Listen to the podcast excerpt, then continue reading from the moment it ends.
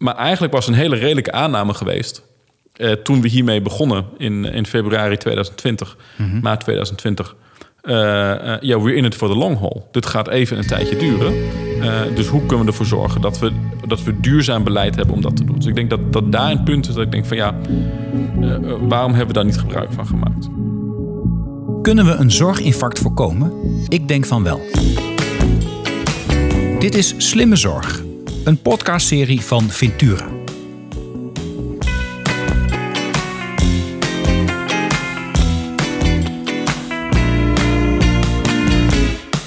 Een bijzondere aflevering van de Slimme Zorg podcast. Ik spreek opnieuw met Jochem Miro, hoogleraar economie van de volksgezondheid, eh, maar ook directeur van de Aletta Jacobs School of Public Health. En ik sprak hem anderhalf jaar geleden ook al. En dat was de allereerste podcastopname tijdens de corona-epidemie. Het was de allereerste keer dat ik bewust anderhalve meter van mijn gast moest zitten. Ik andere microfoonstandaards had gekocht, zodat we dat ook eh, goed konden organiseren. En we hadden een interessant gesprek en dat ging niet over corona. Het ging wel over public health. Jochem, vanuit jouw rol, ehm, weet jij veel over ontwikkelingen van ehm, de coronapandemie? Wat die in Nederland heeft gedaan, wat in andere landen is gebeurd. Ehm heb daar ook een studie van gemaakt. Je vindt er ook wat van. En ik zou heel graag met jou eens willen terugkijken op wat we hebben meegemaakt in Nederland en internationaal. De lessen die we daarvan kunnen leren, misschien ook wel de slimme lessen ehm, voor de toekomst. En wellicht heb je ook nog wat goede ideeën over hoe wij eh, uit deze pandemie komen en wat de volgende stappen kunnen zijn. Nou, een heleboel om te bespreken. Maar voordat ik dat doe, welkom. Dankjewel. En heel fijn om jou weer eh, te mogen spreken. Ehm, als jij nou terugkijkt op de coronapandemie in Nederland, wat is dan het eerste wat, in je, wat je in je opkomt eh, als je daar naar, eh, naar terugkijkt? Ik denk dat als we erop terugkijken, is denk ik het eerste wat je zult zien dat als we zeg maar, het najaar van 2019 nemen en dan 2020 ingaan, dat er toch eigenlijk gewoon een donderslag bij heldere hemel was. En eh, dat heeft te maken met het feit, nou, er kwam natuurlijk gewoon een nieuw virus aan wat we niet kenden. Maar ergens bleek ook wel gedurende de pandemie dat we ook niet echt voorbereid waren. Eh, terwijl er best wel voortekenen zijn geweest eh, in, in de afgelopen decennia van potentiële uitbraken die ook pandemische vormen aan zouden kunnen nemen. Welke waren dat? Weet je dat nog? Nou, we hebben natuurlijk eh, het, eh, het, eh, de de Mexicaanse griep gehad. Ja, eh, klopt. Waar we ook een grootschalige vaccincampagne voor hadden. Waar in een hele korte tijd heel veel mensen gevaccineerd zijn. Eh, we hebben natuurlijk SARS gehad. eh, wat ook een coronavirus is. Wat toen, eh, nou, zo snel als het kwam, ook weer verdwenen is. Eh, we hebben natuurlijk een paar hele sterke grieppandemieën gehad. Hè. Als je nadenkt over de grieppandemie of ja, de griepepidemie pandemie eh, van, eh, van 2018. Waar Veel sterfte. veel, Heel veel sterfte ja. in het voorjaar. En waar je ook wel zag eh, dat, zo'n, dat in termen van de effecten op de zorg...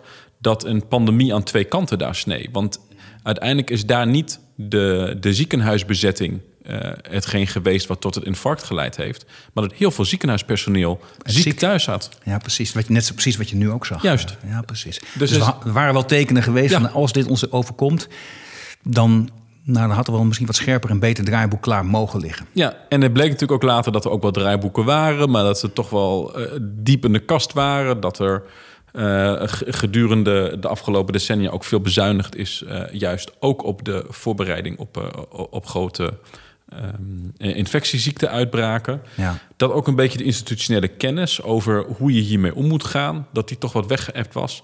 En zo leek het eigenlijk alsof we eh, de hele tijd eh, het wiel opnieuw moesten uitvinden.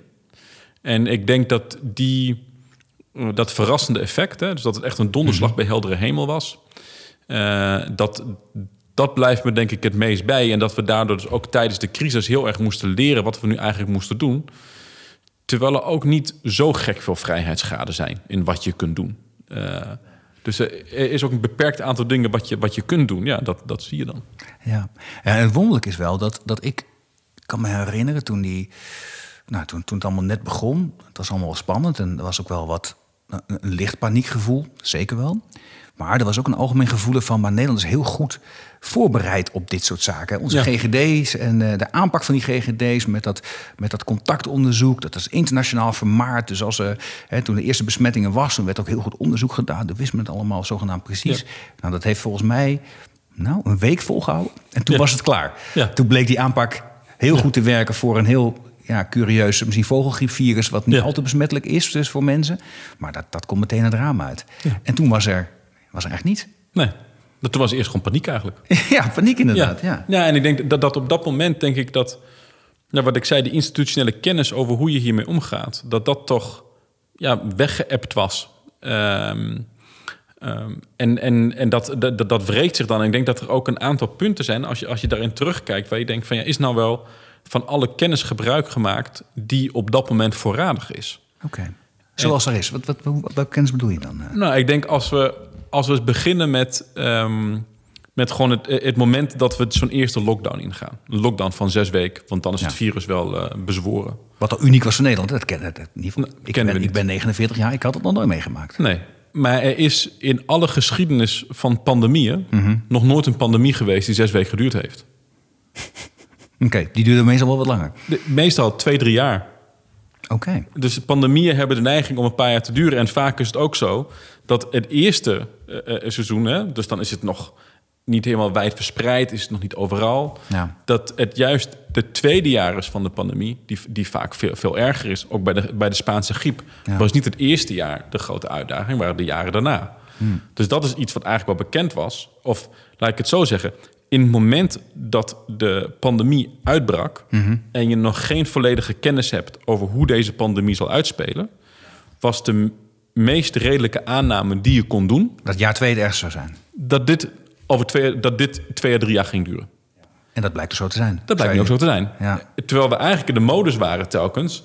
Ja, over een paar weken is het afgelopen. We moeten in crisismodus en we zijn in. Maar eigenlijk had je op dat moment al moeten nadenken... oké, stel dit duurt drie jaar, hoe gaan we dat, eh, hoe gaan we dat aanvliegen? Ja. Ehm, waardoor we nu altijd een beetje heigerig...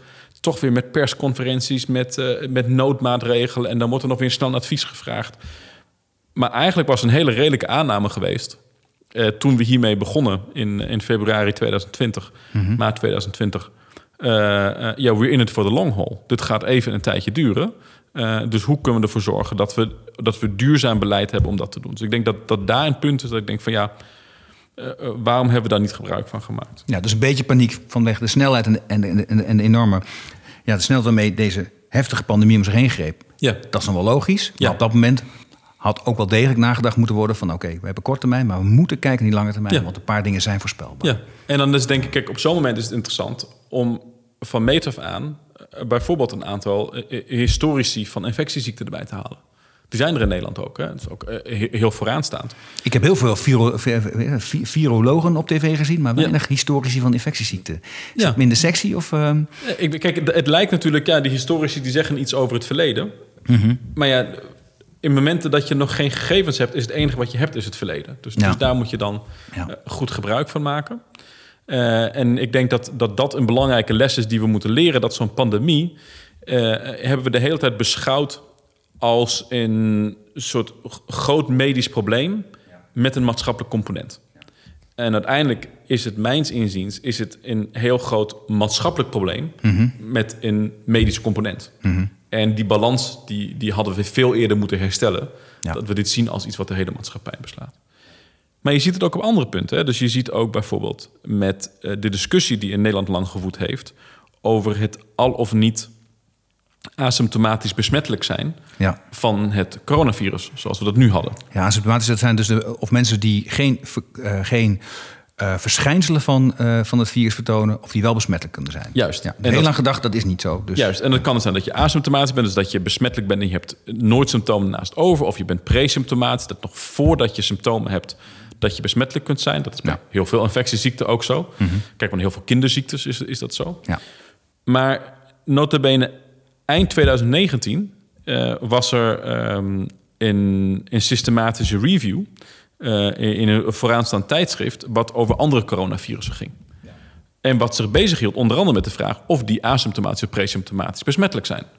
Nou, dat was heel duidelijk zo. Dus SARS was, had daar ook al eh, Ja, een handje van, zeg maar. dus in 2020, toen we nog geen gegevens hadden over of dit virus eh, asymptomatisch of presymptomatisch besmettelijk zou zijn, was de meest redelijke aanname geweest dat het zo is. Ja. En ik denk een fout die we in Nederland herhaaldelijk hebben gemaakt, is dat we hebben gezegd: we hebben de gegevens nog niet, dus we weten het niet. En dus doen we niks. En dus doen we niks. Nee. En dat gaat heel erg vanuit het idee dat je data gedreven moet werken. Wat heel aanlokkelijk klinkt. Maar volgens mij moet je theorie gedreven werken en die met data ondersteunen. Want data heb je pas later. Data heb je pas als die asymptomatische besmetting geweest is. Maar ja, die wilde juist voorkomen. Ja. Dus ik denk dat we veel sterker weer in traditie moeten bouwen dat je leunt op theorie en constant die theorie aan het toetsen bent op de data die binnenkomt.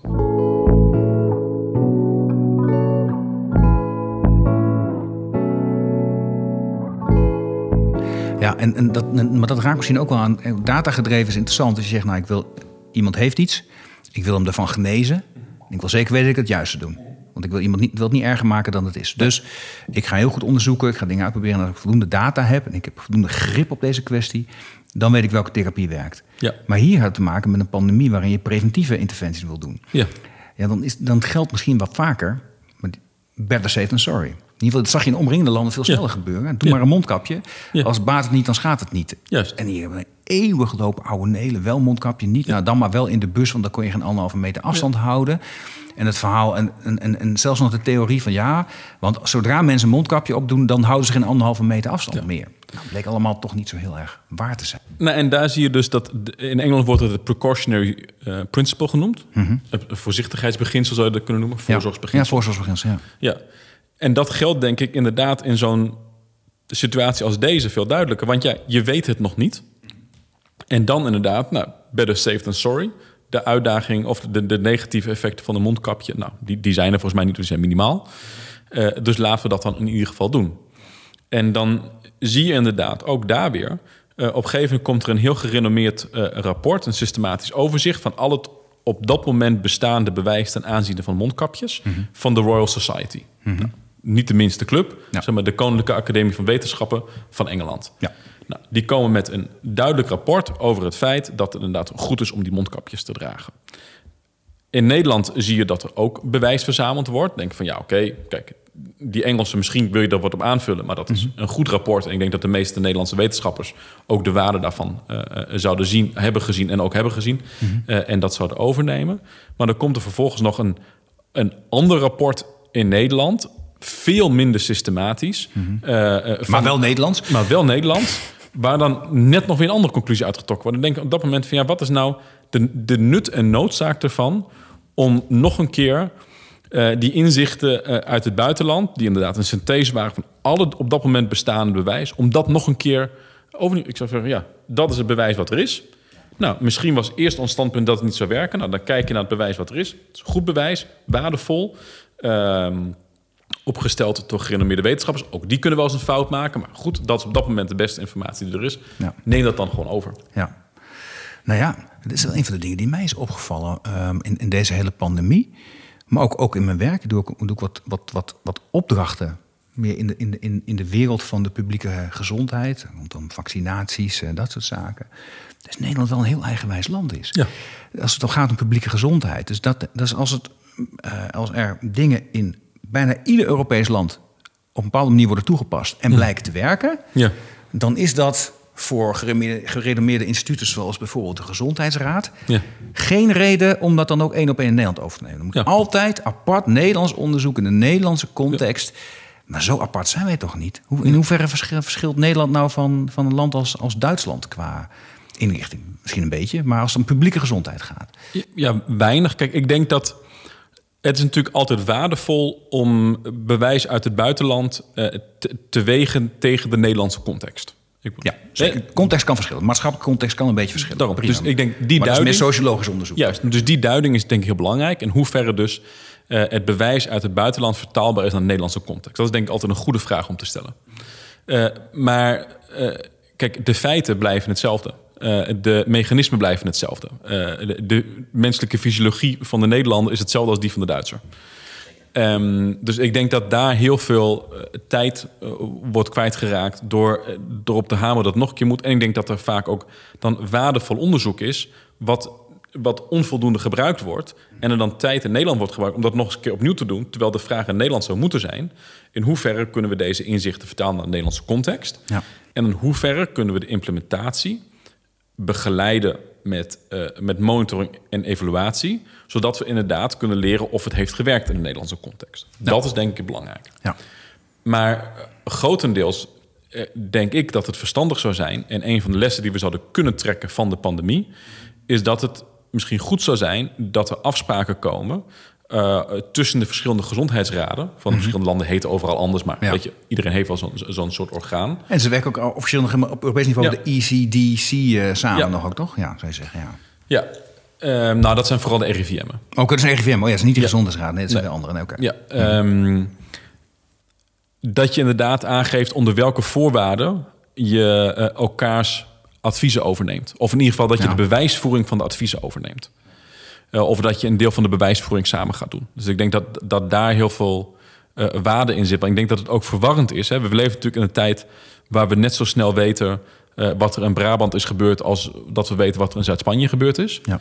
Dus als er dan verschillende maatregelen zijn, dan kan dat ook tot verwarring leiden. Dan denken mensen van ja, hé, hey, ehm, ik, ben, ik zit nu, nou, laten we zeggen, ik zit nu in de achterhoek. Daar hebben we deze regels. En ik ga net over de grens heen. Totaal anders. Ja. Totaal anders. Ja. Ehm, maar ja, uiteindelijk, daarvoor gingen we er ook altijd heen. Ik ging altijd boodschappen doen, net over de grens heen. Eh, die mensen zijn eigenlijk hetzelfde als hier. We kunnen plat met elkaar praten.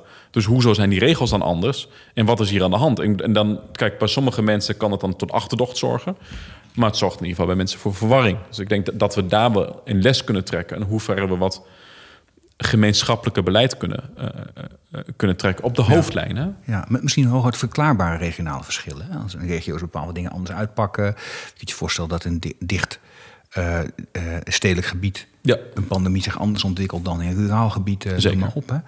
Ja. Nee, maar wat je zei, het interessant, hè, dat je die gezondheidsraadachtige structuren binnen alle Europese landen, misschien wel meer, nog wel breder internationaal, die kijken in principe allemaal naar hetzelfde wetenschappelijk onderzoek. Mhm. Ja. Proberen op basis daarvan tot inzichten te komen.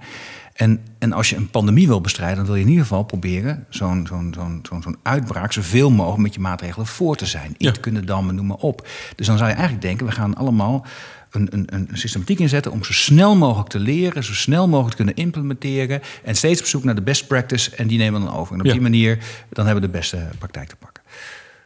Dat is verre van dat geweest. Hè. Zeker in Nederland niet. Helemaal alles eigenstandig doen, eigen onderzoek, eigen dingen kijken. Ja. En als je nu internationaal kijkt, zie je nog steeds enorm verschillende aanpakken. Als je kijkt in Nieuw-Zeeland, waar al paniek uitbreekt bij één, eh, bij één geval. Ja.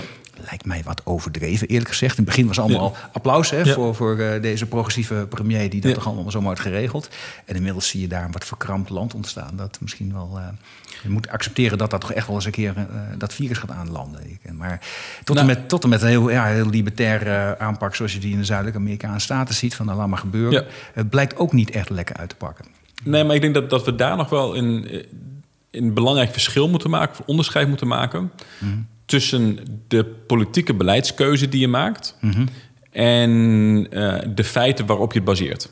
Ja, oké. Kijk, het kan heel goed zijn dat je bij dezelfde feiten qua verspreiding van het virus, qua dodelijkheid, eh, eh, eh, qua ziekenhuisopnames, nou maar het hele plaatje, dat je politiek gezien andere keuzes maakt, omdat je inderdaad Iets wel of niet acceptabel vindt. iets wel of niet acceptabel vindt. Ja, precies. Ja. Dat de politieke kleuring van je land bepaalde voorkeuren uit. En dat is prima, want we leven in een democratie en niet in een technocratie waar ons leven wordt uitgemaakt door, eh, eh, eh, door technocraten.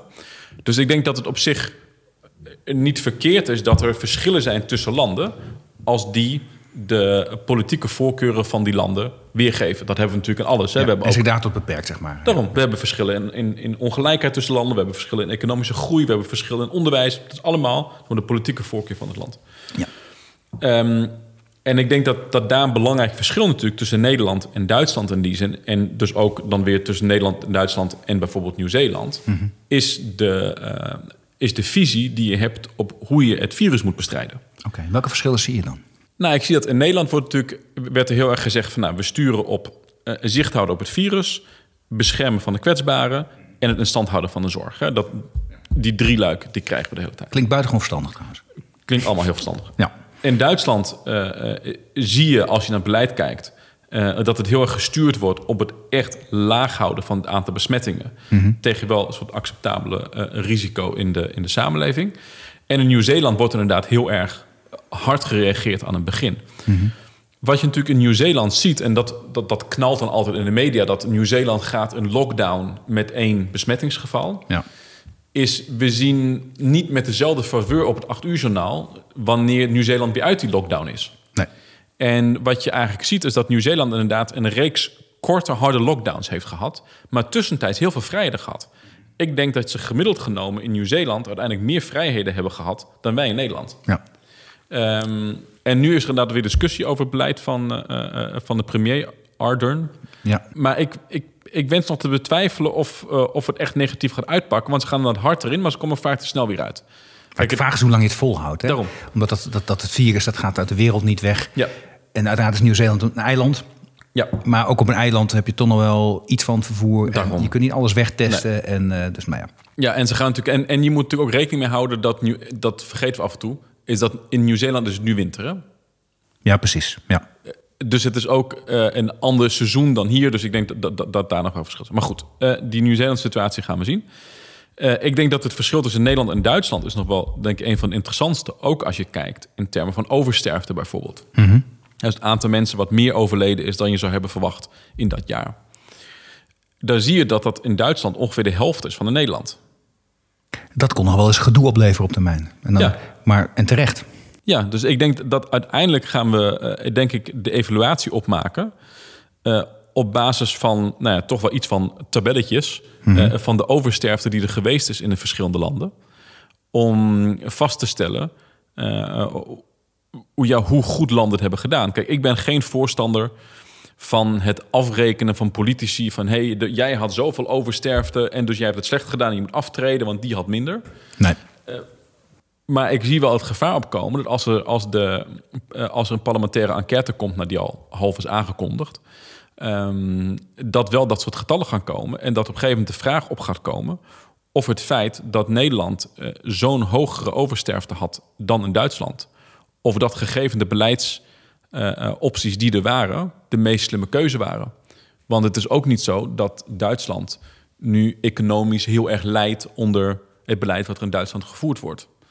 De maatregelen waarvoor gekozen is, hè? dus de zorg niet overbelasten. Ehm, of, wat ook had gekund, het virus zoveel mogelijk indammen. Wat ze in Duitsland hebben gedaan. En als je dan kijkt naar de oversterfte, zeg je die, die aanpak van dat indammen Ja. heeft beter gewerkt dan proberen die, die zorg niet over te belasten. Of misschien maar wel vergeten bij het de zorg niet overbelasten. Om, om de hele zorg te zien. Ja. Er is te veel gekeken naar het curatieve deel van de zorg. En is die langdurige zorg. dan van ja, oké. Ja, kijk, in de langdurige zorg is natuurlijk met name in de eerste golf. Dan komen we weer terug op die discussie die we aan het begin hadden over die asymptomatische en presymptomatische besmetting. Dat er Ja. heel lang in Nederland gezegd werd, nee, je hoeft geen mondkapje. Ja. Heeft natuurlijk eh, tot best wel wat ook discussie geleid. Ja. Eh, en dat daar inderdaad in, in de langdurige zorg heeft het virus echt huis gehouden. Ja. Ik dat, dat moeten we niet vergeten. Ja, bij de vaccinatiestrategie is dat wel rekening mee gehouden. Ja. Toen hebben we het omgedraaid. Zegt eerst de kwetsbare. was er heel veel discussie over. Maar uiteindelijk is dat waarschijnlijk toch een goede keus geweest. Dat denk ik wel. En ik denk dat in Duitsland natuurlijk...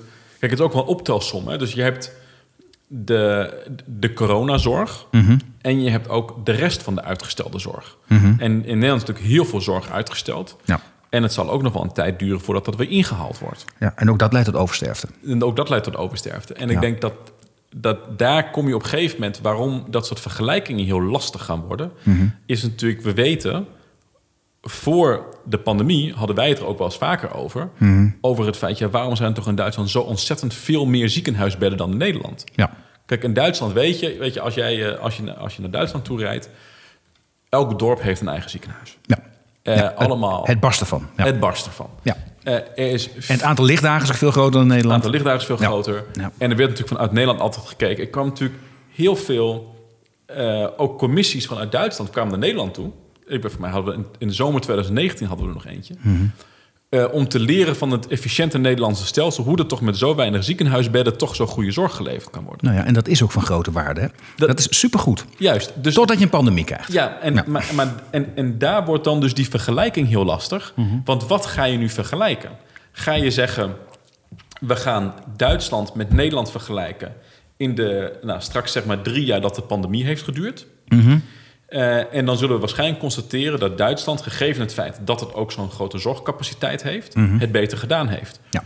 Of gaan we Nederland en Duitsland vergelijken over een periode van zeg 20 jaar, waar één pandemie in plaats heeft gevonden, waar toevallig die overcapaciteit heel handig was, maar in die andere 17 jaar niet, krijg je weer een heel ander beeld. Ja. Dus op een gegeven moment de afbakening van hoe je die vergelijking maakt, is een ontzettend politieke keuze.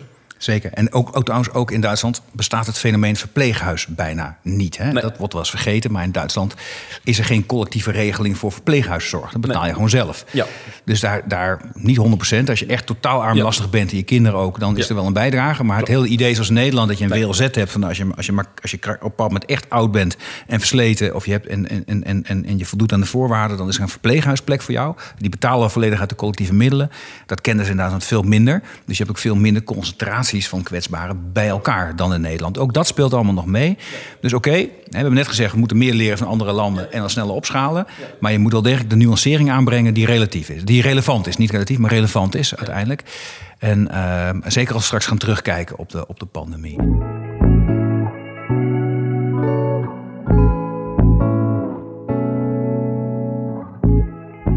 Dus inderdaad kijken naar, naar, naar de zorg. En we praten over zorgstelsels. Ben heel lang politicus geweest. Als mensen praten over het zorgstelsel. ehm Zodra mensen dat zeggen, dat het moet over het zorgstelsel hebben, dan hebben ze meestal alleen maar over het curatieve deel van de zorg. Ja. Dus het deel wat in Nederland onder de zorgverzekeringswet valt. Nou, dat is vaak al een ingewikkelde eh, constructie. En dan wordt er vaak wel geklaagd over dingen die zich op af, afspreken, eh, spelen in een heel ander deel van de zorg. Namelijk bijvoorbeeld verpleeghuiszorg. Dat valt helemaal niet onder de zorgverzekeringswet. Compleet andere wet, compleet anders ingericht in Nederland. Maar als je echt het geheel wil bekijken, dan moet je naast de curatieve zorg, in de langdurige zorg, moeten de publieke gezondheidszorg nu ook eindelijk eens serieus gaan nemen Ja. en meenemen. En die ook fatsoenlijk keur, denk ik dan nu. Ja. Dit, nu ben ik zelf aan het opiniëren, maar ik denk het wel. Veel, veel robuuster en, en, en fatsoenlijker moeten inrichten in Nederland. En we zien daar ook wel weg van die versplintering met... hoeveel hebben we nog niet? 26 GGD-regio's, 25. Die dan ergens ook elkaar, met elkaar overleggen. Maar ja, het is allemaal, allemaal heel leuk voor kleine lokale aangelegenheden... dat je, dat je eh, lokale aanwezigheid hebt. Maar ja, die pandemie is wereldwijd. Dus dan moet het misschien wel wat robuuster en met een organisatie die echt wat kan. En die Ja. kan optreden en ook een mandaat heeft. Hoe kijk je daarnaar? Nou, ik, ik, ik denk dat, eh, dat we daar komen op het punt waar we het net over hadden. Dus je moet, de vraag is, hoe bestrijd je zo'n zo'n pandemie? Welke Ja. visie heb je daarop? En dat concept visie is denk ik heel belangrijk om vast te houden. Want ik denk dat we eh, in Nederland, en dat is misschien wat breder dan de, eh, dan de gezondheidszorg... en misschien een eh, licht politieke uitspraak... maar ik denk dat we nu tegen de grenzen aanlopen van visievrije politiek dat we eigenlijk... Eh, in, in de jaren negentig was op een gegeven moment de opmerking van, van Wim Kok... dat de PvdA haar ideologische veren moest afwerpen. Jouw naamgenoot Mark Rutte heeft een aantal keren gezegd... dat voor visie moet je naar de oogarts gaan. Maar ik denk dat, dat je daar ziet dat als je zonder visie... eh, het, het, het gezondheidslandschap in gaat richten... dan ga je er heel gauw op beknibbelen. Want dan is het van ja, maar wat hebben we daar eigenlijk voor nodig? Wat daar hebben we eigenlijk voor nodig? Dan, dan ga je heel erg als een, als een boekhouder er doorheen en alles eraf. Dus ik denk dat we inderdaad een integrale visie nodig hebben op het gehele zorgstelsel. Het is niet voor niets dat we inderdaad vijf stelselwetten hebben, waarvan de wet publieke gezondheid er één van is. En de andere vier gaan inderdaad over de, over de curatieve zorg en de langdurige zorg. Maar we moeten veel meer waarderen dat publieke gezondheid, en dat heeft natuurlijk de coronapandemie aangetoond, dat publieke gezondheid ehm, voorwaardelijk is voor het goed functioneren van je samenleving. Ja. Zowel op maatschappelijk vlak als op economisch vlak. En dat is meer dan alleen dat individuen gezond zijn, maar dat inderdaad je samenleving als geheel gezond is. Waar we eigenlijk bij de vorige podcast over gesproken hebben. Ja, hè? ja. De, eh, de, de, de samenleving als, eh, als patiënt in die zin. Ja. En die voorwaardelijkheid die strekt veel verder dan de pandemie. Die voorwaardelijkheid die gaat er ook over, eh, over het feit dat we al voor de coronapandemie hadden we in Nederland een obesitaspandemie. En daar hebben we die eerste golf nog niet eens van weten te bestrijden. Eh, en dat gaat ook maar mee te maken met ja, hoe, hoe serieus we eigenlijk preventieve zorg nemen. Ja. Eh, want als je eh, het curatieve stelsel bekijkt, is Nederland heeft verreweg waarschijnlijk een van de beste, zo niet het beste stelsel van de hele wereld. Als je de OESO mag geloven, dan is dat eh, jaar, jaar, jaar na jaar weer het geval. Ja. En is het aantal on, niet ingevulde medische wensen is nergens ter wereld zo laag als in Nederland. Ja. Dat is ongekend. En ook eh, was weer een rapport van de Commonwealth Foundation, die heel Ja. mooi altijd eh, landen naast elkaar zet. Ja. En die gewoon zegt: Nederland heeft een van de beste stelsels, zeker gezien het feit hoeveel er uitgegeven wordt. Want eh, we klagen wel dat er in Nederland veel geld voor de zorg uitgegeven wordt. Doen we ook. Doen we ook. Ja, maar, anderen nog meer. Maar anderen nog meer, veel meer. ja, en steeds meer. En, steeds meer. Ja, dus in Amerika zie je bijvoorbeeld dat de, dat de zorguitgaven er in de afgelopen 40 jaar voor hebben gezorgd dat de middenklasse er in inkomen niet meer op vooruit gegaan is. Dat is hoeveel er uitgegeven wordt. Ik bedoel, dat is Mhm. Ja. gewoon een context te zien dat we eigenlijk dat eh, mensen zeg maar, van, van mijn leeftijd in Amerika nu evenveel, zo niet minder geld hebben dan hun ouders.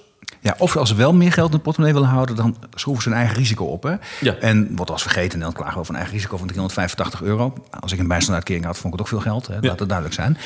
Maar in de Verenigde Staten praat je over gewoon een eenvoudig politieagent... die om zijn zorgpremie te kunnen blijven betalen... dan maar een eigen risico van 10.000 Ja. dollar neemt. Juist. En op het moment dat hij ziek wordt, dan de keuze... en, en, en, en, en, de auto is stuk, dan moet hij de keuze maken van... laat ik de auto repareren om nog naar mijn werk te kunnen... of neem ik zorg. Nou goed, daar het over. Kijk, allemaal dat soort bizarre toestanden hebben we hier Ja, niet. Dus we, we niet. mogen Willen we ook altijd niet. klagen over de Nederlandse zorg. Dat doen wij ook wel eens natuurlijk. Zeker.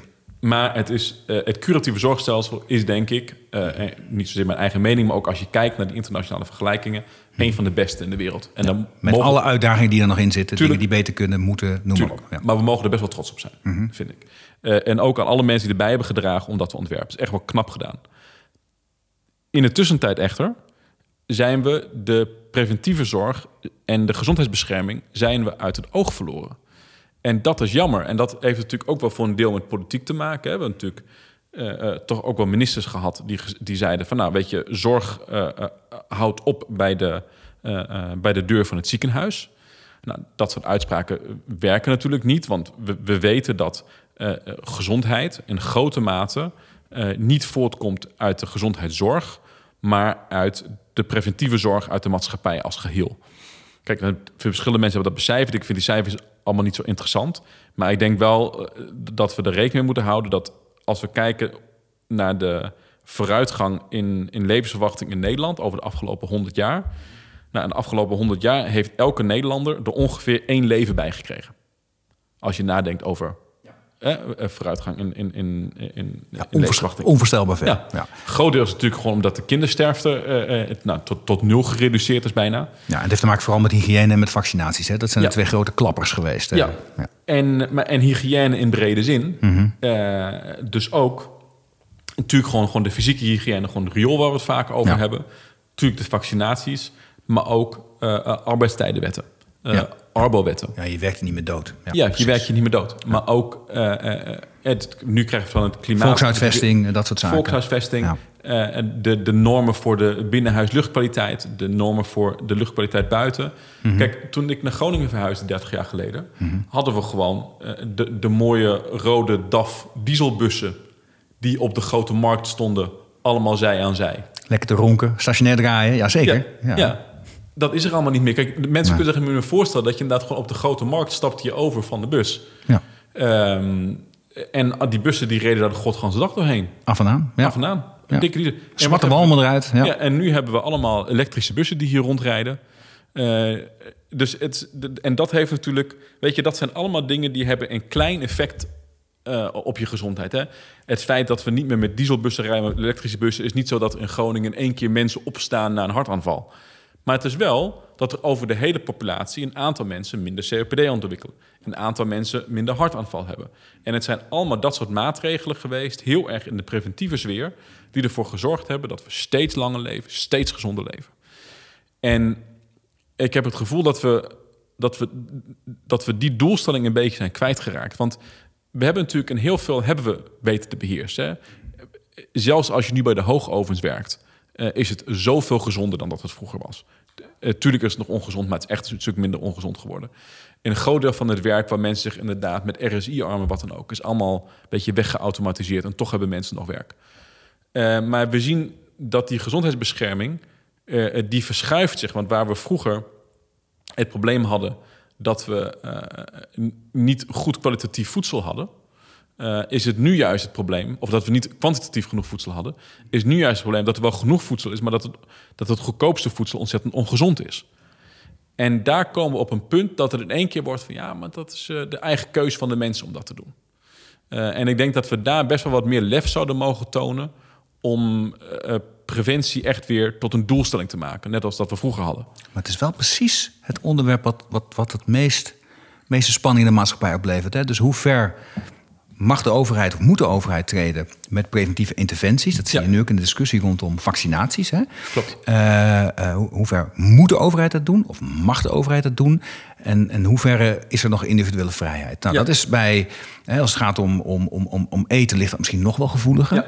Ehm, en daar is nog niet zo gevoelsmatig nog niet zo dat je zegt, ja, maar als ik ongezond eet, heeft een ander daar geen last van. Dat is Ja. niet waar natuurlijk. want Als je erg veel ongezond eet en je maakt hele hoge zorgkosten, heeft een ander daar wel last van. Ja. Hè? Dus, dus ook daar raakt het elkaar al. Maar bij deze, momenteel zie je bij vaccinatie dat heel erg sterk spelen. En waar precies die grens ligt, weet ik niet. Maar het zou mij wel een lief ding waard zijn als deze coronapandemie ons in ieder geval leert om die grens met elkaar te definiëren. Ja. Dus wat vinden we nou collectieve verantwoordelijkheid? En waar, wat vinden we echt ook individueel? Ja. En waar treden we als overheid niet in? Daar zullen we echt keuzes in moeten gaan maken. Dat is één. En de tweede is dus ook... ehm, we moeten leren van deze coronapandemie... dat publieke gezondheidszorg een robuust onderdeel moet zijn Ja. van de zorg. En Ja. dat het waardevol is, daar moet je goed geld in stoppen. Ja. Eh, en dat heeft zoveel economische en maatschappelijke voordelen. Doe dat nou gewoon. Ja, nou, en dat is dus eh, eh, precies het punt. Hè? Dus die, die, die voorwaardelijkheid van een goede volksgezondheid eh, voor het goed functioneren van je samenleving. Ja. Dat moet denk ik voorop staan. Dat er dus als de maatschappij gezond is, dan hebben dat de bedrijven gezonde medewerkers. Dan heb je als gezin heb je gezonde gezinsleden. Als ouderen heb je een mantelzorger die gezond is en eh, zo in de hele ronde. En eh, maar ik denk, het, het, het punt wat ik volgens mij wil maken is dat... Kijk, enerzijds gaat het over de, eh, over de inrichting van het gezondheidslandschap. Dus inderdaad, ik denk een opschaling van de GGD'en... zou denk ik in mijn ogen verstandig zijn... dat je dat gewoon op landsdeelniveau gaat doen. Ehm, dat je daar ook eh, in samenwerking met de kennisinstellingen... dat je constant bezig bent met het monitoren, evalueren... en verder brengen van je beleid. Zodat je inderdaad beleid wat je overbrengt uit het buitenland, waar we het net over hadden, waar je dat in de regionale context inbedt en kijkt of het in die context werkt en dat ook van dien aard doet dat er weer over gepubliceerd kan worden, dat andere landen daar weer van kunnen leren. Ja, precies. Dat is Ja. echt die, die, die harde inrichting en ook de, zeg maar, de- het samenspel tussen het sociaal domein en het curatieve domein, hoe, hoe je dat inricht. Tegelijkertijd los je daarmee eh, weinig op in het moment dat je niet die discussie aangaat die jij net schetst. Waar is die grens tussen de individuele verantwoordelijkheid en ook de mate waarin iemand individuele verantwo- verantwoordelijkheid kan nemen en collectieve verantwoordelijkheid? En ik denk dat in die collectieve verantwoordelijkheid zit ook een verantwoordelijkheid om individuen in staat te stellen om verantwoordelijkheid te kunnen nemen. En daar wordt het een hele ingewikkelde discussie. Ehm, want ik geloof er niet in dat iedereen die een ongezonde keuze maakt, die bewust maakt en dat hij diezelfde keuze had gemaakt als hij of andere informatie had gehad of andere middelen had gehad tot zijn of haar beschikking om dat te doen. En die bredere blik op gezondheid is denk ik belangrijk. Ik denk dat we in de, eh, met de politieke stroming mee van de afgelopen eh nou, 30 jaar eh, zijn we steeds meer gaan individualiseren. En dat is echt niet iets eh, dat je zegt van ja, dat heeft allemaal te maken met eh, neoliberaal beleid. Wat mensen zeggen dat in Zo'n ja, internationale trend is dat internationaal in de jaren negentig, als je kijkt eh, in, in Nederland, maar ook weet je, New Labour in Engeland en in Duitsland natuurlijk Gert Schreuder. Dat is allemaal Ja. gericht op dat ding. Hè. Gert Schreuder had altijd het, het idee van de Ich AG, de Mhm. NVIC.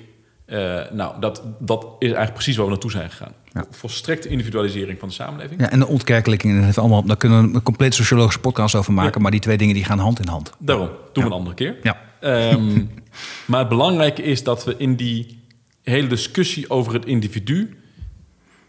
zijn we het collectief kwijtgeraakt. Mhm. En ik denk dat... Kijk, in Nederland hebben we heel erg eh, eh, de lijn gehad over... eh, wat in Nederland heet positieve gezondheid. Ja. Wat natuurlijk een soort ja, vertaling is van eigen regie naar het gezondheidsdomein. Hè, je bent in staat om te managen met de dingen om je heen. Maar Nou, het gaat wel iets verder op positieve gezondheid. Ook een idee achter. hè, Dat je zegt, je moet niet meer op de gezondheid sturen, maar ook of iemand zich goed kan redden in de maatschappij, et cetera. Maar goed. klopt, maar het gaat om het individu. Ja, ja dat En- klopt. Ja. Ja, en Dat ik denk de kern is dat we volgens mij ons daarvan door moeten ontwikkelen en weer moeten beseffen dat de gezondheid van een individu voor een groot deel beta- be- bepaald wordt door de omgeving waar hij of hij in zit. En dan gaat het erover over het gezondheidsvermogen van een individu. In hoeverre wordt iemand in staat gesteld om gezond te zijn? En dan ga je weer een beetje naar de lijn toe uh, van mensen als Martin Nussbaum en Amartya Sen... die het altijd hebben over de capabilities van een individu. En dat zie je in Nederland ook in de discussie over brede welvaart. Dat komt uit, dat komt uit dezelfde koker, zeg maar.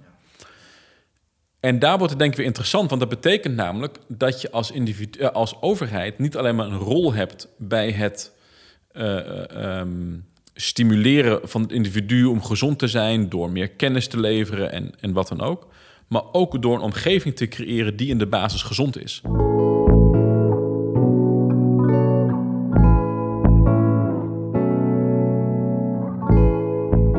Wat jij nu vertelt, zie je ook nu nog op dit moment in de coronapandemie terug. Een hele discussie rondom hoe krijgen we het aantal vaccinaties omhoog. Ja. want dan is heel vaak het idee van ja, er is heel erg een focus op. Er zijn, er zijn uh, antivaxers en er zijn een aantal onderstromers die zeggen van ja, maar vaccin helemaal verkeerd, overheid ingrijpen, bla bla bla. Heel veel aandacht voor. Dat is, een dat is echt maar een hele kleine groep. Ja. Maar er is een hele grote groep mensen die toch nog steeds niet gevaccineerd is. Ja. En als je daar dan inzoomt, wat blijkt dan zo te zijn, dat is heel vaak een groep met net een beperkte hoeveelheid gezondheidsvaardigheden of een beperking in sociale vaardigheden. Mm heel veel in achterstandswijken, mensen die taal slecht spreken, die geen vervoer tot hun beschikking hebben. Dus je kunt dan zeggen, ik richt hele grote vaccinatielocaties in. Maar als iemand geen fietsen heeft uh, en, en, en te ver weg af, af woont, dan gaat hij gewoon niet. En als hij ook een keer de taal niet spreekt, misschien informatie niet heeft gekregen, voor je het weet, is iemand niet gevaccineerd Niks te maken met ideologie. Niks te maken met dat hij dat niet zou willen. Dus het is een heel goed idee dat je zegt... nou oké, ik ga dus met mobiele prik, priklocatie... en ik bel desnoods van deur tot deur. En ik vraag iedereen... dat is nog steeds individuele, individuele afweging. Doe ik dat wel of doe ik dat niet? Maar dan verlaag je gewoon de drempel. Maak je het de, de, de, de beste keuze... maak je dan makkelijk. En, um, en dat is ook niet, ook niet uniek... Um, ik, ik, heb ingezoomd op de Amerikaanse situatie. En dan wordt heel erg is daar het beeld van, nou, er wordt he, die, die, die, heel veel staten lage vaccinatiegraad. En dat komt allemaal door het uh, Trumpisme. Nou, dat is deels waar. Daar, is, daar, is, daar is ook echt het, uh, het niet vaccineren is een soort politieke deel gemaakt. Ja. Maar als je verder kijkt, dat is al niet waar. Hetzelfde verhaal hier als, als hier. Ja. Met name ook in sociaal zwakke wijken, ook ja. nog zo democratisch zijn als uh, tot en met, ligt de vaccinatiegraad enorm laag, omdat Juist. mensen niet in staat zijn uh, zich te laten vaccineren. Ja. En dat, um, nou ja, en dat is precies wat jij nu zegt. Hè? Dus, dus de vaccinatie is een voorbeeld, maar dat geldt eigenlijk, dus als je voor de toekomst kijkt naar een gezond Nederland, voor wat jou betreft veel meer plekken van die, van die publieke volksgezondheid en de, en de gezondheidscontext die je moet gaan creëren. En dat je inderdaad als, als overheid ervoor bent om, in, om een omgeving te scheppen die in de eerste plaats gezondmakend is. En dat is inderdaad met die vaccins is een mooi voorbeeld. Uh, zorg ervoor dat het extreem laagdrempelig is. Ga desnoods langs, huis aan huis. Ga straks als de scholen weer open gaan. Uh, sta gewoon klaar met een prikbus voor de ouders die er nog geen tijd voor hebben gehad. Ja, en voor, voor hun kinderen waarvan ze dachten, dat is me ook niet gelukt. Prima. Ja. Voor mijn part doe je het overal bij de, uh, bij de, bij, bij, de supermarkt. Weet je, Mhm. gewoon laagdrempelig, toegankelijk. En dat geldt in de hele breedte. Dat, je, dat ik volgens mij, uh, als ik er naar kijk, denk... de overheid moet weer wat zelfvertrouwen krijgen... dat ze ook een rol heeft in de inrichting van de gezondheidsomgeving... waar de mensen in leven. Mhm. Toen de riool werd gebouwd, was het vanzelfsprekend dat de overheid daar een belangrijke rol in zou spelen. Mhm. En dan was het niet van ja, het is, de, het is de verantwoordelijkheid van wijken en buurten om met elkaar samen te komen, om daar te kijken hoe ze dat aan kunnen leggen. Nee, de overheid doet dat. En de overheid draagt daar een verantwoordelijkheid voor. En ik denk dat dat in de breedte, als we weer kijken even naar het, naar het gezondheidslandschap, dat we dat weer een beetje moeten herwinnen. En de Mhm. overheid hoeft niet arrogant te zijn, hoeft echt niet ons te vertellen dat we niet een patatje met mayo mogen eten als we een keer wat biertjes aan het drinken zijn. Dat is prima, maar het moet wel uh, uh, zo zijn dat de, uh, de, de keuze die we in staat gesteld worden om te maken, dat dat gezonde keuzes zijn. Mhm. En dat we niet tegen mensen zeggen dat die ongezonde keuze die je hebt gemaakt, dat was jouw schuld. En je had het beter moeten maken. Want ja, weet je, ik begrijp wel waarom heel veel gezondheidsboodschappen niet aankomen bij mensen. Omdat ze in de eerste plaats al uh, heel erg de, de keuze die mensen hebben gemaakt, uh, daar neerbuigend over gepraat. Want ja, dan heb je hem weer die zijn patat aan het eten is en, uh, en frikandellen. Mm-hmm. En op een gegeven moment ga je daar wat dieper in kijken. Precies wat jij zei met die vaccins. Mm-hmm. En dan is het, hey, als jij naar de supermarkt gaat, dan heb je inderdaad een doos van 20 frikandellen, kost 2 euro. En 2,5 kilo patat erbij, uh, kost 1 euro. Dus uiteindelijk was inderdaad die frikandel en het patatje wat iemand at... dat was een maaltijd van 40 cent. Ja, diegene heeft niet zoveel te maken. Dus dat is de keuze die die, die heeft kunnen maken. En dan kun je wel tegen diegene zeggen dat hij een andere keuze had moeten maken. Maar ja, als je inderdaad die bijstandsuitkering hebt... je hebt misschien nog wat schulden... eh, en dat was de keus die jij in staat... Ja, en dan gaat iemand jou vertellen dat dat de verkeerde keus was. En je zegt van ja, maar ik had helemaal geen keus. Want dat was het enige wat er was. Dan is natuurlijk het gesprek beginnen... je hebt de verkeerde keus gemaakt... zonder te begrijpen of iemand wel een keuze had. Dat, ja, dan luistert diegene niet meer. Ja, dat zou ik ook niet doen. Nou ja, en keuze wordt ook natuurlijk sterk, sterk beïnvloed door de vaardigheden die je hebt. Dus als Ja. je generatie na generatie die frikandellen met patat eet... en dat, is, dat was er nou altijd. Ja. En, ehm, ja, en, je, en, en je weet ook eigenlijk niet beter. Ja. En je bent er ook aan gewend. Ja, dan maak je ook die andere keus niet. En dan is het dus niet alleen, maar, niet alleen maar prijs. Maar het is best ingewikkeld soms om de goede keuze te maken. Ja. En, en dus ja, het heeft te maken met vaardigheden. En ook dan kom je terug op, op, op vaccinatie. Ja, dus wat ik interessant vind, en ook een mooi leerpunt van deze, van deze eh, pandemie. Voor zover iets moois kan zitten aan de pandemie. Hè, maar, want er is genoeg ellende gebeurd. Maar een mooi punt is dat er al. ehm, eh, al heel lang werd geworsteld van hoe krijgen we nou vaccinatiegraad omhoog? Wat moet je nou als Ja. overheid doen? En er is heel lang gedacht, nou, we moeten ons hard gaan verzetten tegen de mensen die onzin verspreiden en zeggen dat het allemaal niet klopt. En eh, wat je feitelijk dan doet, is dat je, dat je een, een spotlight zet op de verkeerde informatie. Mhm. Ja. En wat je gaandeweg hebt gezien, is dat er gewoon steeds meer communicatie gekomen vanuit de overheid, waarin gewoon de voordelen van vaccinatie werden uitgelegd. Dat is één. En ten tweede zegt iedereen doet het. Dat is twee, dus het is heel normaal om je te laten vaccineren. Ten derde, probeer het heel makkelijk te maken. Nou, dat Ja. heeft in het begin niet, maar gaandeweg steeds makkelijker geworden. Ehm, eh, en, en, en ten vierde ook nog een soort collectief. En als je dat doet, is het goed voor jezelf, maar is ook goed voor een ander. En, en daarmee wordt in één keer werd die drempel steeds lager. Ook voor Ja. mensen die eerst iets aan van, nou, zou ik nou wel doen of niet doen? Oh, iedereen doet het, kan een argument zijn. Oh, ik help er een ander mee, kan een argument zijn. En zo, en zo gaat het verder. En rondom überhaupt preventieve interventies met elkaar... Maar van jij zegt dus die hele publieke gezondheidszorg moeten beter doen. Ik denk dat hetzelfde geldt. Dat je, dat je heel goed moet kijken. Dat je, dat je mensen eenvoudige informatie geeft. Die begrijpelijk is voor iedereen. Op basis waarvan je langzaam maar zeker het gedrag in, een, in een richting eh, duwt. Waarvan je denkt, hé, hey, daar worden we allemaal eens een beetje, beetje beter van.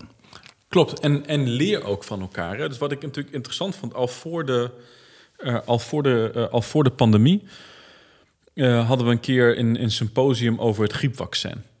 Ehm, en er was een beetje het griepseizoen en eh, Alex Friedrich en ik hadden toen dat, dat samen georganiseerd... om te kijken hoe kunnen we dat, een beetje dat die vaccinatiegraad wat omhoog krijgen. En wat mij toen opviel, wat ik nog steeds wel interessant vind... is dat ook buiten zeg maar, de gebieden in Nederland... waar je al weet dat de vaccinatiegraad wat lager is vanwege religieuze overwegingen is er best wel wat spreiding in de hoogte van de vaccinatiegraad. Eh, ook binnen soortgelijke gebieden. En ik denk dat, dat, dat we daar veel meer gebruik van moeten maken. Dus dat we kijken van, hé, hey, er is dus, eh, laten we zeggen, twee wijken. En in de ene wijk wordt heel veel gevaccineerd en in de andere wijk wat minder. Maar voor de rest, als ik kijk naar de samenstelling... sociaal-economische status, eh, eh, etnische afkomst, inkomen, demografie... de hele reute met teut, zijn eigenlijk al die twee wijken hetzelfde. En ik denk dat we daar nog moeten kijken van... hey, hoe is het nou dat er twee wijken zijn... die ogenschijnlijk hetzelfde zijn... dat de een heel veel vaccineert en de ander heel weinig. Dat zullen rare toevalligheden zijn. Misschien is het gewoon iemand die bij dat consultatiebureau... die inderdaad zei van... hey, ik heb toch wel gezien dat er een paar bepaalde mensen zijn... eh, eh, die de communicatie niet zo goed begrepen. Dus wij hebben gewoon alle vaccinpapiertjes... hebben in plaats van op punt 10 eh, Times New Roman... waar de overheid van houdt... hebben we gewoon eens op punt 15 Arial uitgeprint. En nu begreep iedereen... Ik weet het niet, hè? Nee, plaatjes bij. Zou zo Blijkt bij. ja. Je weet het niet of dat ze inderdaad, weet je, dat ze één keer in het jaar een soort vaccine run hebben, dat iedereen langskomt en die vaccins doet en daarna gaan ze allemaal eh, samen ranja drinken en sporten. Ik weet het niet, maar misschien dat er gewoon wat was. En ik denk dat we daar veel meer nog van kunnen leren en van het feit dat er in Nederland ook in die achterstandswijken waar weinig gevaccineerd werd, zijn er nog steeds heel veel mensen die wel gevaccineerd zijn. Ja. En het is denk ik dan weer interessant om met hen het gesprek aan te gaan. Dus niet die wijk in te gaan en op zoek te gaan naar diegene die niet gevaccineerd is. Maar ga op zoek naar die mensen die wel gevaccineerd zijn. Ja. Maar die ogenschijnlijk al die eigenschappen hebben van die mensen die niet gevaccineerd zijn. En daarmee het gesprek aangaan. En daar leer je van. Ja. En daar leer je van. En met hen ook te kijken van... hey, hoe kun jij een ambassadeur zijn hiervoor? Eh, wat waren de keuzes die jij hebt gemaakt... eh, waardoor anderen komen? Ja, ik vergelijk het wel eens ermee dat als je naar Rotterdam gaat, ga je niet iemand uit Groningen vragen naar de weg. Dan vraag je iemand uit Rotterdam de weg. Dus als je die achterstands in wijken gaat, ga, moet je niet iemand die niet gevaccineerd is de weg vragen, maar iemand die wel gevaccineerd is. Want ja, die heeft hem blijkbaar gevonden. En hoe kun je van die leren om met die ander te gaan? En dat we daar aan de ene kant veel meer gebruik maken van data die er is om dat soort patronen op te sporen. En tegelijkertijd veel persoonlijker maken. En niet heel onpersoonlijk erin komen van ja, dit is weer zo'n achterstandswijk waar niemand gevaccineerd is, dus we gaan dit doen. Nee, dit is een achterstandswijk waar 70% of 60% gevaccineerd is. Met die 60% gaan we eens een keer het gesprek aan.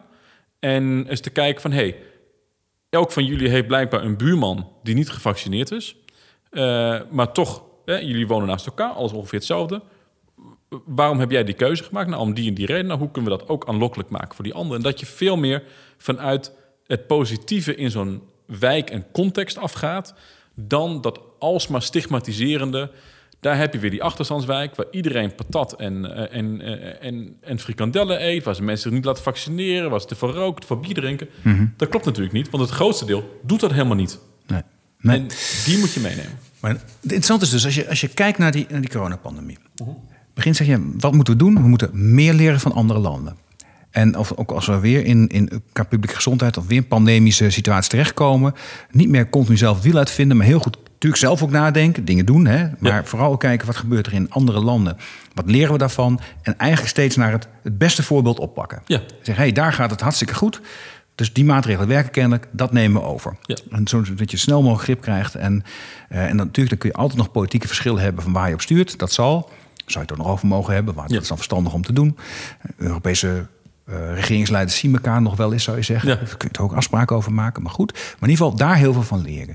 En vervolgens richting de toekomst leren dat je publieke gezondheid veel, veel serieuzer moet nemen, veel robuuster moet inrichten. En dan heb je het niet alleen maar over vaccinatie, dan heb je het niet alleen maar over pandemie. eh, bestendigheid, maar dan heb je het dus ook over leefstijl en dat soort zaken. Ja. En dan geldt opnieuw weer leren, maar dan misschien ook al van andere landen, maar dan ook meer micro leren. Van Ja. hey, regio's vergelijken, waar dingen vergelijkbaar zouden moeten zijn en het niet is, daar induiken, de positieve voorbeelden weer uitpikken, Ja. net als bij die pandemie. En op basis van die positieve voorbeelden tot een steeds robuuster en beter systeem komen. Klopt. Zullen we daarbij laten? Ja, Dank voor deze mooie inzichten. dankjewel. En eh, ja, wie weet spreken we elkaar over anderhalf jaar weer. Johan. Ja. Je weet het maar nooit. Dankjewel. Mooi. Dit was Slimme Zorg, de podcast waarin nagedacht wordt over oplossingen waarmee een zorginfarct voorkomen kan worden. Een podcastserie van Ventura. Abonneer je op deze show via iTunes of Spotify en voel je vrij om een review achter te laten. Ik vind het zelf enorm leuk om te lezen wat jullie van de podcast vinden. Je mag me ook mailen op podcast.ventura.com. Vond je de podcast leuk? Dan heb ik een opdracht voor je. Vertel over de podcast aan een van je vrienden of collega's. Mijn naam is Arno Rutte. Dit was Slimme Zorg. Je hoort mij over twee weken weer in een nieuwe aflevering.